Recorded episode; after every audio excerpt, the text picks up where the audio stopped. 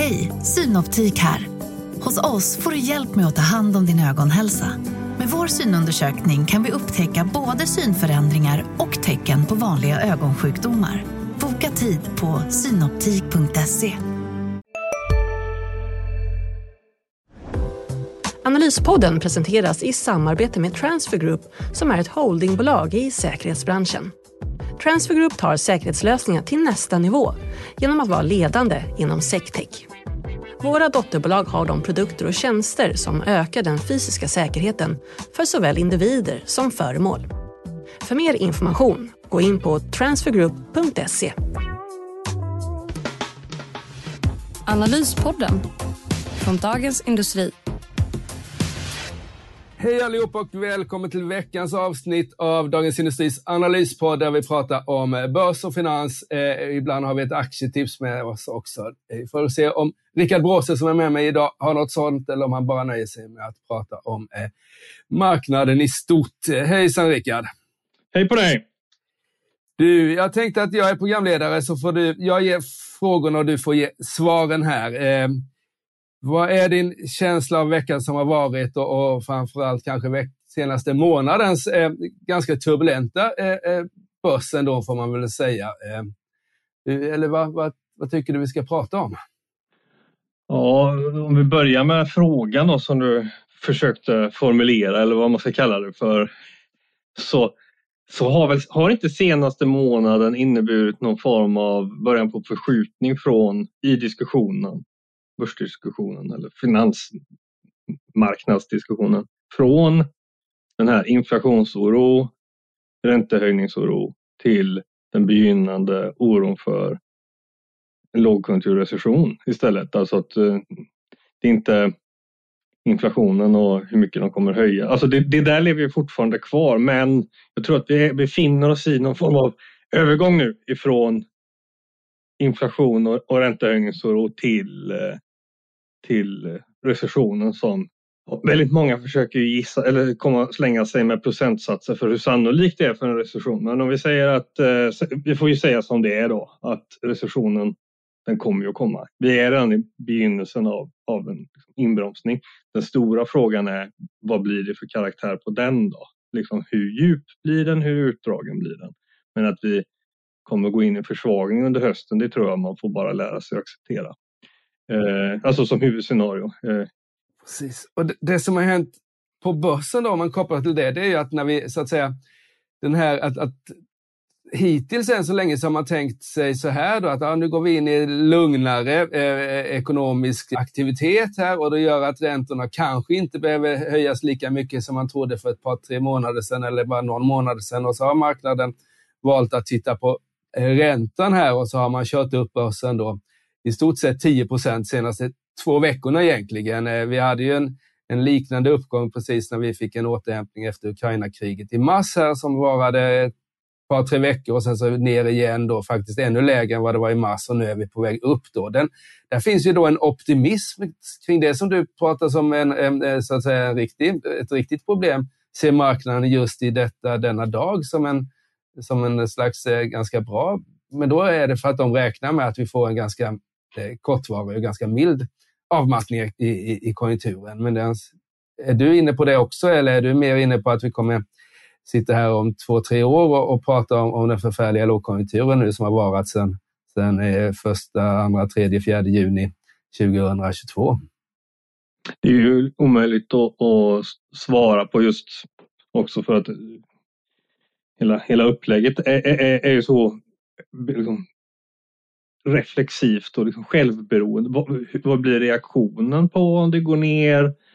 Kommer man fånga konsumenterna? Liksom, det känns som i år har det varit nya bidrag, ad hoc-bidrag i eh, ett i månaden. Om det inte är liksom sänkta bensinskatter så är det de kastar på, liksom, man behöver inte betala elräkningar längre och det liksom är rena rama bananrepubliksupplägget. Så alltså, när du har politiker och centralbanker som känner att de har artistiskt spelrum så kan vad som helst hända. Men just, just som det ser ut nu där, där de har, som de, där centralbanker har blicken väldigt, väldigt fäst fortfarande på inflationsproblematiken och att man ska höja räntorna Samtidigt som jag tittar du liksom alla e-handelskonsumentbolag. eh, gick ju katastrof redan i Q1 liksom och eh, bygg känns ju inte som någonting man vill ha exponerat. Alltså alla byggbolag liksom, kommer ju eh, få problem eller har redan problem med, alltså, om vi pratar mindre med, med, med att kontrakt är skrivna på i, i en era där det inte fanns inflation och sen så har de fått köpa virke som har gått upp 30 procent eh, i pris. Du har massa problem i, eh, av det slaget men centralbankerna kanske inte kommer baila ut oss i första taget den här gången. Så jag, eh, jag är liksom hyfsat bekymrad. Mm. Det, det, som, det, som är, det som jag tycker är liksom osäkerhetsfaktorn här, för det ändå, man såg nu hur det kom, eh, det var väl SCBs eh, sån här eh, förmögenhetsbarometer då, där det faktiskt vår samlade förmögenhet bland landets alla svenskar minskade under första kvartalet. Och då har vi liksom ändå, och det, det var inte så mycket och det var inte så farligt. Men, men, men under de här nedgångarna vi har haft eh, sen, egentligen sen Ja, egentligen sen 90-talskrisen har det varit ganska, det har påverkat bostadsmarknaden och framförallt bostadspriserna väldigt, väldigt lite. Det har varit liksom sättningar som har varit några månader och vi har egentligen aldrig kommit upp, kommit upp till 10 procent utan har stannat på 5 procent och sådär. Och det har, liksom, så det har blåst över väldigt snabbt. Det som är o, o, osäkerheten nu tycker jag det är att vi får en, ett antal år med lägre, lägre fastighetspriser. Eh, Både på privata marknaden, men även i, i, i den, i den eh, så att säga, publika marknaden eller på den professionella kommersiella marknaden. Och då blir det jobbigt, för mycket av den här optimismen och, och konsumtionen har ju legat i att folk har känt sig liksom rikare. Man har kunnat liksom ha en hög, vi har ju haft en hög, hög lånetakt i samhället eh, och det har vi, hade vi inte kunnat haft om vi inte hade haft en förmögenhetstillväxt i form av stigande börskurser och framförallt stigande bostadspriser, för det är fortfarande den största tillgången vi har. Då. Eh, och det där är ett bekymmer, för det är klart att får man, får man fallande priser på, på bostäder under lång tid, då, då får vi ju så mycket eh, följdverkningar här och alla är dåliga egentligen för, för ekonomin. Mm. Ja, men det som, har, det som har varit för konsumenten i år är det uppenbart att liksom inflationen sätter avtryck. Du får mindre pengar över till annat efter liksom när basbehoven är, är täckta. Men om man tittar in i börsbolagens förlovade värld och tittar vad vi har. Nu har vi liksom gått igenom hela rapportperioden för Q1 och finns det några teman som sticker ut så är ju ett väldigt, väldigt tydligt eh, det svaga kassaflödet. Jag tror att du har skrivit om det också. Eh, men att du har haft väldigt signifikant lageruppbyggnad. Och går du in, går du in med, med dubbelt så högt lager i förhållande till försäljningen i höst och så får du en minskande efterfrågan så kommer ju det temat att vara den här så kallade bullwhip-effekten när du har byggt lager i alla leveransled. Eh, och det har ju funnits skäl att göra det när du har haft komponentbrist och inflation som skapar incitament att hålla lager på ett sätt som inte har funnits tidigare. Så, ehm, så kommer ju det, så kommer ju det bli liksom en smäll tillbaks och dragspelet kommer att gå åt andra hållet. Så, så, så det, det är jag oroad för liksom på, om man pratar tillverkningsbolag då, eh, inför höst. Ja, så var det. Jag, jag gjorde en, det är inte kassaflödet är, liksom, är, är lite svår. Så där på aggregerad nivå så, så, liksom kan det räknas lite olika, men, men ändå så var det, det var 100 miljarder i försämrat kassaflöde Q1 mot Q4. Eh, kassaflödet i förhållande till eh, redovisat eh, resultat var 15 procent och det ska ju ligga, det, det låg ju långt över 100 under början av pandemin när man inte köpt in någonting utan bara sålde så att säga det man hade i lager. Men det kanske ska ligga på en, eh, beroende på vad det är för tillväxt, och så där, 70, 80, 85, 90 procent. Nu var vi ner på 15 och det är ju, och det har man ju märkt också. Det är det vi inte riktigt har vetat och det är det som är så liksom, ska vi säga, ett problem här. Att vi vet inte vad som är den underliggande efterfrågan och hur mycket som har fastnat i lager överallt, utan alla har liksom eh, lite så att säga för, för, förköpt här och det stämmer. Får vi en ekonomisk nedgång om man inte får ut lagret och kan växla om det till pengar, då, då är det ett problem. För då är det liksom, och då eh, Absolut, och det är, bankerna tror jag inte är så villiga till att liksom låna ut till negativa kassaflöden som man var för ett, för ett halvår sedan. Ja, men det har ju kommit um, liksom, marknads makrodata också som liksom stärker den här eh, bilden av att, det har varit, att du har väldigt, väldigt stark lageruppbyggnad och höga lager. Så, så det är ju ingenting som man bara, det är ju inte bara anekdotiskt att man har läst hundra kvartalsrapporter nu och har dragit den slutsatsen utifrån det, utan det verkar vara även i den vidare ekonomin eller för svenska företag i bredare bemärkelse. Men det är också, jag tror du har ju haft en väldigt speciell epok nu ifrån finans, förra finanskrisen och, och framåt med de här låga räntorna och sådär. Det, det intressanta blir ju också vad att ekonomin bromsar in, det, gör, det, liksom, det är ju så det, det, det, funkar. Liksom. Men vad kommer det finnas saker som ändras strukturellt framöver? Kommer vi att gå tillbaka och ha högre räntor igen, liksom den här epoken där du har haft en tröskel som ligger på noll för investeringar? Är den förbi? Alltså hur mycket av ekonomin är uppbyggd på fake och på hittepå och på icke värdeskapande verksamheter. För det där är ju ett tema också som har ganska varit det är omöjligt att blunda för liksom att techbolag har haft det kämpigt senaste 15 månaderna. Det får man väl ändå säga att, att det var lätt att sälja in tillväxt för, för ett och ett halvt år sedan eh, och komma och säga att vi växer jättemycket men vi växer förlusten ännu mer. Det är ju inte någon som blir jätteimponerad av det. Så om du tittar sådana här bolag som har skuld och um, klen operationell utveckling och inget kassaflöde i Q1. De har ju blivit väldigt straffade. Alltså paradexemplet på det är väl Sinch då egentligen som förvärvade mycket, drog på sig vad de nu har 11 miljarder i skulder, något i den stilen och som eh, där eh, bruttoresultatet organiskt har, har liksom taktat ner ifrån liksom höga tvåsiffriga tal till bara några procent nu. Och så hade de jättemycket kundfordringar som exploderade och så fanns det inget kassaflöde och så blir alla jätteoroliga. För då är, liksom, flyttar du väldigt snabbt diskussionen till till, eh, kommer det liksom behöva nyemission och sådär. Jag säger inte att det ska komma nyemission i Sinch just men, men, men jag tror att det kommer också vara ett tema. Ska du köpa bolag idag som har en nettoskuld på sig över tre gånger ebitda så ska det till i min värld något alldeles exceptionellt för att du ska gå in i de lägena. För att den där, det där är ju ett förrädiskt nyckeltal också eftersom eh, nämnaren är, eh, ändrar på sig när du mattas av. Så tre gånger ebitda blir snabbt fem gånger ebitda om det, om det liksom bromsar in med full kraft och då bryter du mot kovenanterna om du har liksom maintenance-konvenanter i obligationer ligger ofta på på fem eller fem och en halv kan man säga. Incurrence-konvenanter ligger kanske på tre och en halv ofta generellt sett. Nu är det ju många som bara har sådana incurrence-test då. Men, men när skulden tickar upp så, så går det väldigt snabbt att erodera aktievärdet. I, i, alltså, om en stor del av rörelsevärdet består av skuld så blir ju hävstången också väldigt stor på, på equity-sidan av det. Så att jag tror, jag, jag, jag vill inte befatta mig med, med liksom högbelånade saker så, inför hösten. Men å andra sidan är, är jag liksom hyfsat...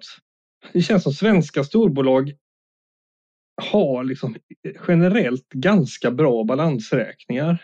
Alltså man har inte varit vidlyftiga i, i generellt sett och liksom förvärvat allt och slängt sig på och kastat sig efter saker bland de här. Om man säger det är ju liksom ett av eh, Fredrik Lundbergs adelsmärken att eh, skynda långsamt och inte göra några yviga grejer egentligen och ha han får ju ofta skäll liksom för att han del, har delat ut för lite och det kanske är befogat. Kollar du huvudstaden om man ställer upp de stora fastighetsbolagen, de borde dela ut hela kassaflödet. För de har liksom för lite skuld. Eh, alltså, så, så, att den typen av, den delen av storbolagssverige som, som, som liksom dikteras av Fredrik Lundberg-sfären känns ju ganska liksom stabil i alla fall. Samma Atlas är väl liksom inte någon... Alltså, de här stora bästa svenska bolagen ser ändå ganska bra ut ofta och har ju liksom också då värderats ner. Så.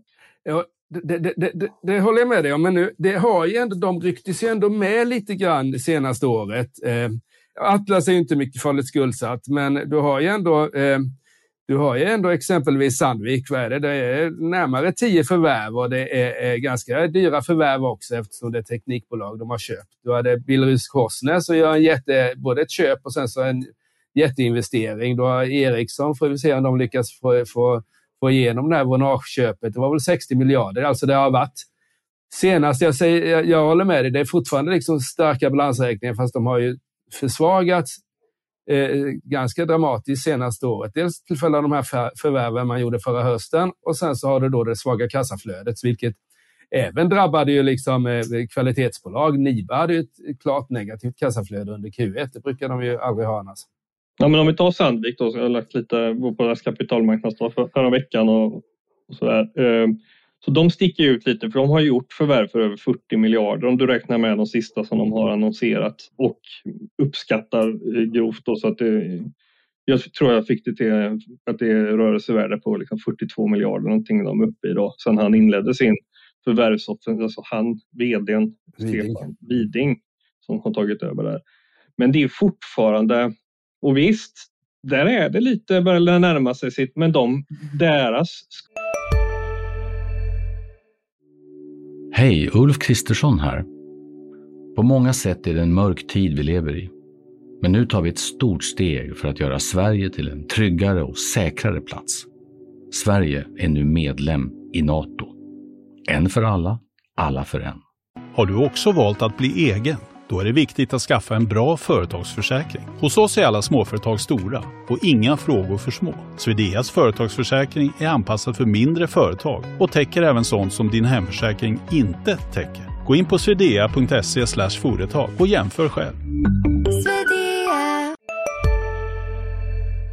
Guldtakmålet är ju 1,5 gånger ebitda och de är inte uppe där än. Mm. Och tittar du Sandvik från de har haft positivt kassaflöde positivt fritt kassaflöde för, om du exkluderar förvärv då, alltså så owner earnings eller vad vi ska kalla det, alltså pengar som du skulle kunna dela ut då till aktieägarna mm. har varit positivt varje år, även under finanskrisen. Så för de här liksom absolut bästa bolagen känns det ju ändå inte som att man är eller jag är inte jätteorolig. Aktier kan ju, går aktien ner så går allt ner. Men, men jag tror att du kommer få mycket mer problem med de här ehm, eh, um, Heiba Briba konglomeraten som har dykt upp och liksom på några år bara förvärvat eh, allt de har kommit över. Liksom, att man har trott att bara man förvärvar mest på kortast tid så vinner man och det är inte så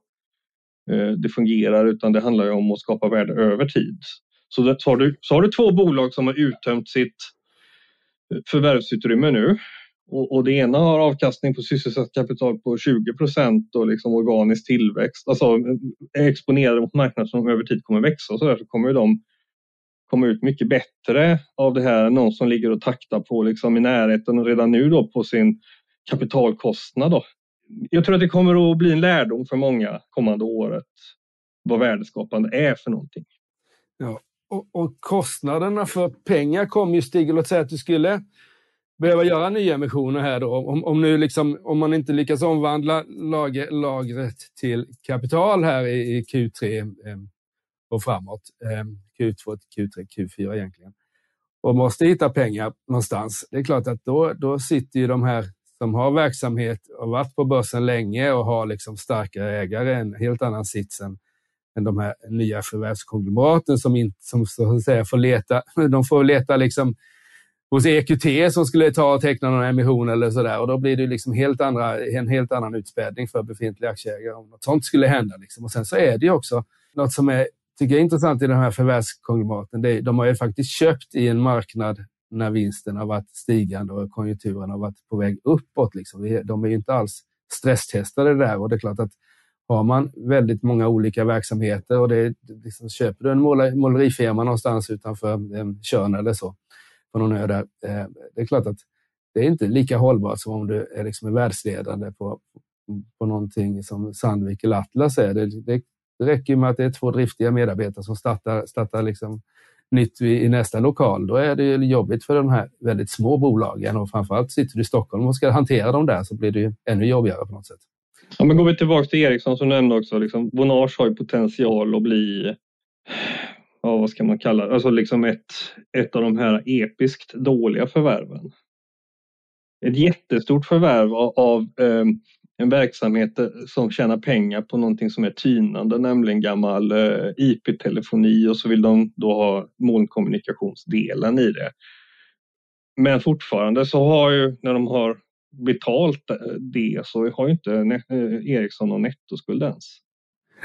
Och du vet, det där är ett bolag som gör 25 miljarder i fritt, fritt kassaflöde. Så, så lågt som det värderas har man nästan råd att vaska ett par års fritt kassaflöde och ändå komma undan med heden i behåll tror jag på, på liksom sikt. Vi får hoppas att de har vet vad de gör men det, den har ju, den, den man känner har ju ingen jättebra, får ju lite ont i magen bara att tänka på det men eh, Ja, men du, ja. du, du satte det väl din senaste veckans aktie nästan, Rickard, när du satt och köp på Ericsson här. Och här har vi ju hänt en del då. Vi hade ju liksom en omorganisation och så har den här Vonage-affären som du pratade om dragit ut på tiden.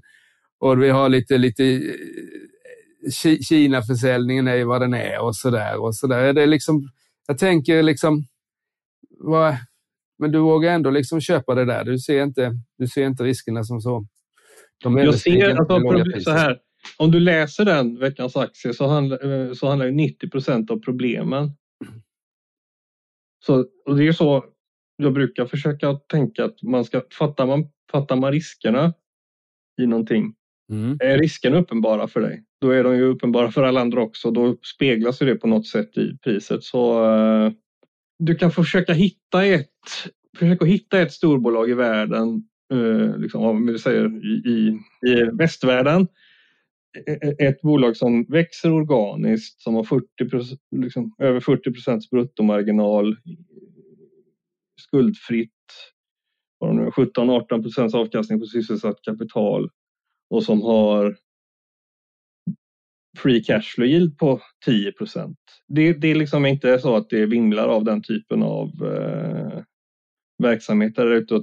Och, och, du har ju gått ifrån att överskatta Ericsson för över 20 år sedan väldigt mycket till att man nu befinner vi oss liksom i, i andra änden av det spektrat där man eh, liksom där, där, där problemen har staplats på varandra med risker i USA kopplat till korruption, eh, där konstiga, där förvärvet av Bonage, utkastade ur Kina, omförhandlingar av patentportföljen som man inte kan vara lite osäker på vad det kommer landa och sådär. Men allting det är liksom känt. Förutom att det inte är känt med Dojo vad de kan hitta på mot, mot Ericsson. Nej, men vad ska, ska de liksom porta Ericsson i USA eller var eh, det mest rimliga utfallet? Alltså det är svårt att hitta någon som har varit så kantig att man har lyckats att bryta mot en sån här deferred prosecution agreement som Ericsson har gjort. Men i de fallen som, som det har hänt så har det ofta då slutat med att man gör om processen, lägger in de nya grejerna som har tillkommit och så betalar man ännu mer böter än man gjorde sist. Och det var ju 10 miljarder sist, så eh, mycket pengar men um, det, det är ingenting som man kommer att, att falla med tror jag.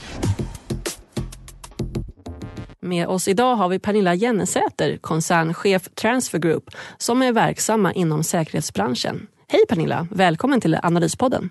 Hej, trevligt att vara här. Skulle du kortfattat kunna berätta vilka Transfer Group är och vad ni gör? Ja, Transfer Group är en säkerhetskoncern bestående av sex helägda dotterbolag där alla sysslar med olika typer av verksamhet inom säkerhetsbranschen. Vi har allt ifrån eh, bemanning såsom väktare och ordningsvakter till skalskydd, personlarm och säkerhetskontroller. Transfer Group genomförde nyligen en fusion med Sensec Holding.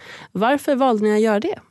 Ja, även Sensec var en säkerhetskoncern sedan tidigare, precis som Transfer, bestående av eh, i första hand säkerhetskontroller och en serviceavdelning och utbildning kopplad till det.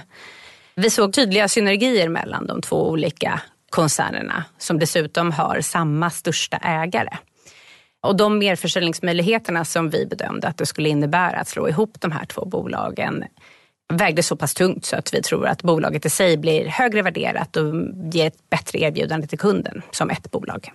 Och till sist, vad är det som gör er unika på marknaden och vad fokuserar ni på just nu?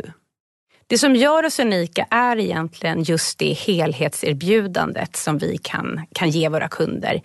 Vi ser en tydlig trend att kunderna eftersöker en one-stop shop för fysisk säkerhet. Vårt fokus just nu ligger i stor del, förutom att få ihop organisationen och synergieffekterna, att utveckla vår mjukvara. Vi har ett bagagehanteringssystem som heter Brains och ett rapporterings och dokumentationssystem som heter Amigo Tools med syfte att förenkla egentligen den fysiska säkerheten och binda ihop hårdvaran. Tack Pernilla Jennesäter, koncernchef på Transfer Group, för att ni var med och sponsrade Analyspodden. Tack, tack. Bra. Eh, nu har vi hållit på ett tag. Är det något mer du har delge våra lyssnare? Vad, vad blir intressant för nästa vecka eller vad, vad blir intressant här fram under sommaren och så där? Är det liksom vilka siffror är det man ska hålla koll på? Om man ska liksom försöka förutspå börsen här. Är det inflationen eller är det liksom PMI eller är det något, något vad, vad, vad är varningssignalerna? Vi har ju fått idag från exempelvis Elon Musk, Teslas grundare här som ska ta bort 10 procent av personalen och, och vi har ju ett svenskt exempel då i, en, i ett teknikbolag i Klarna, då, det här fintechbolaget, som också ska ta bort typ 10 procent av de anställda. Är det liksom, vad, vad, ja, men det speglar väl det här som jag sa förut med att, att den här eran med noll i eh, tröskel är, är liksom förbi och nu är det upp till bevis att det där man har sagt att vi kan tjäna pengar om vi vill. Ja, men visa det nu då. Är det marknaden säger till de här bolagen? För att det är bolag efter bolag efter bolag som nu måste då prioritera eh, och få en kostnadskostym som blir hanterbar. Vi får väl se vilka som faktiskt kan eh, göra det då.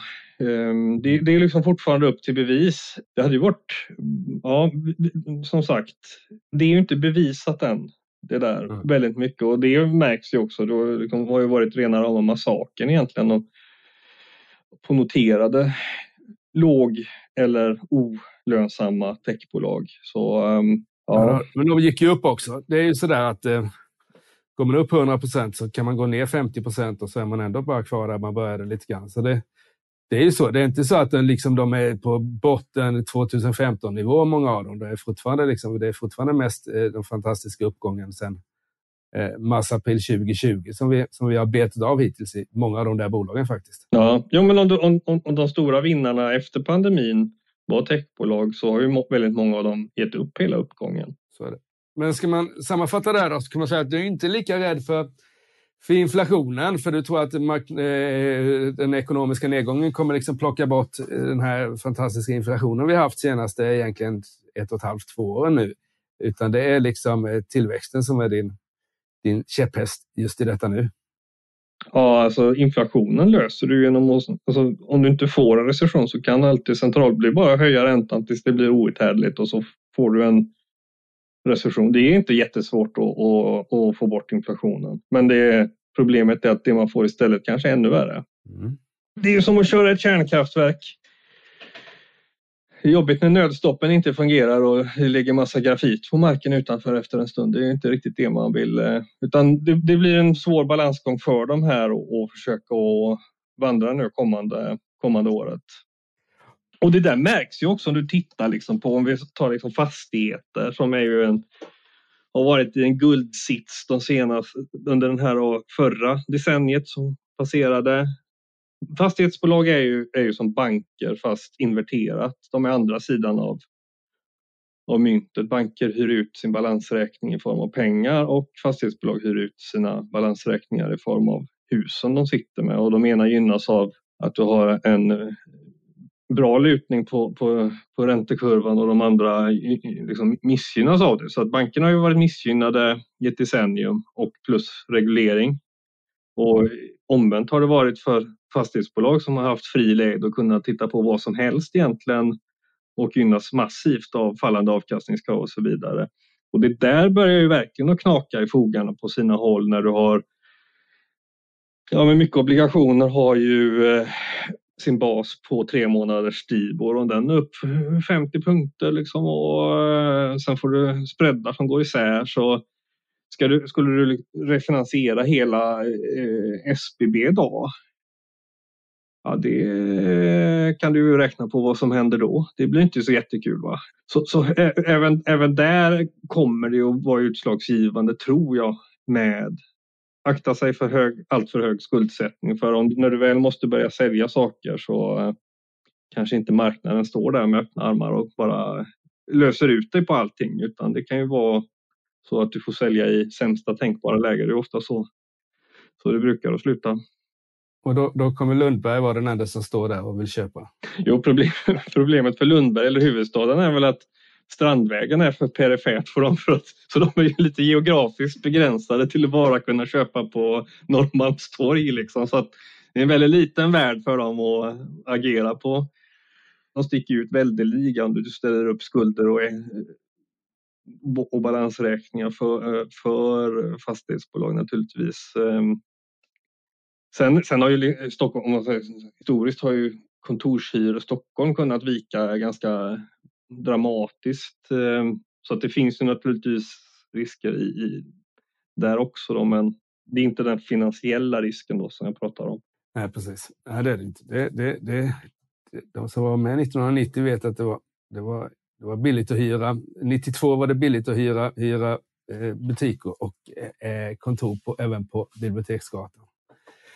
Bra, jag tror vi stannar där Rickard. Eh, och då återstår det bara för oss att önska våra eh, lyssnare en riktigt skön helg. Och ska vi också påminna eh, våra lyssnare om att det inte bara är Rickard och jag som poddar i vår analyspodd här denna veckan, utan vi har massa andra poddar igång. Vi har eh, senaste nytillskottet är väl eh, det ledarredaktionens egen podd.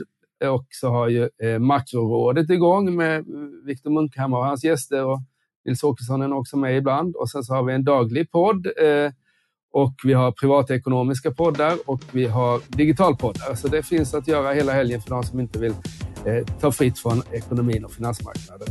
Men med det så är det i alla fall slut för oss och vi tackar för att ni har lyssnat. Tack så mycket.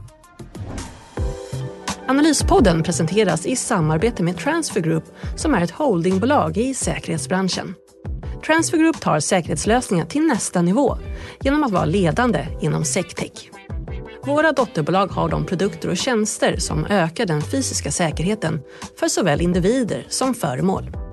För mer information, gå in på transfergroup.se. Analyspodden från Dagens Industri.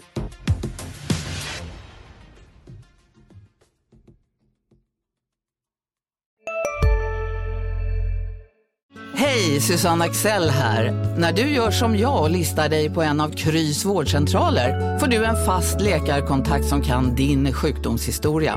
Du får träffa erfarna specialister, tillgång till lättakuten och så kan du chatta med vårdpersonalen. Så gör ditt viktigaste val idag, lista dig hos Kry. En nyhet. Nu kan du teckna livförsäkring hos Trygg-Hansa. Den ger dina nära ersättning som kan användas på det sätt som hjälper bäst. En försäkring för dig och till de som älskar dig. Läs mer och teckna på trygghansa.se. Trygg Hansa. Trygghet för livet.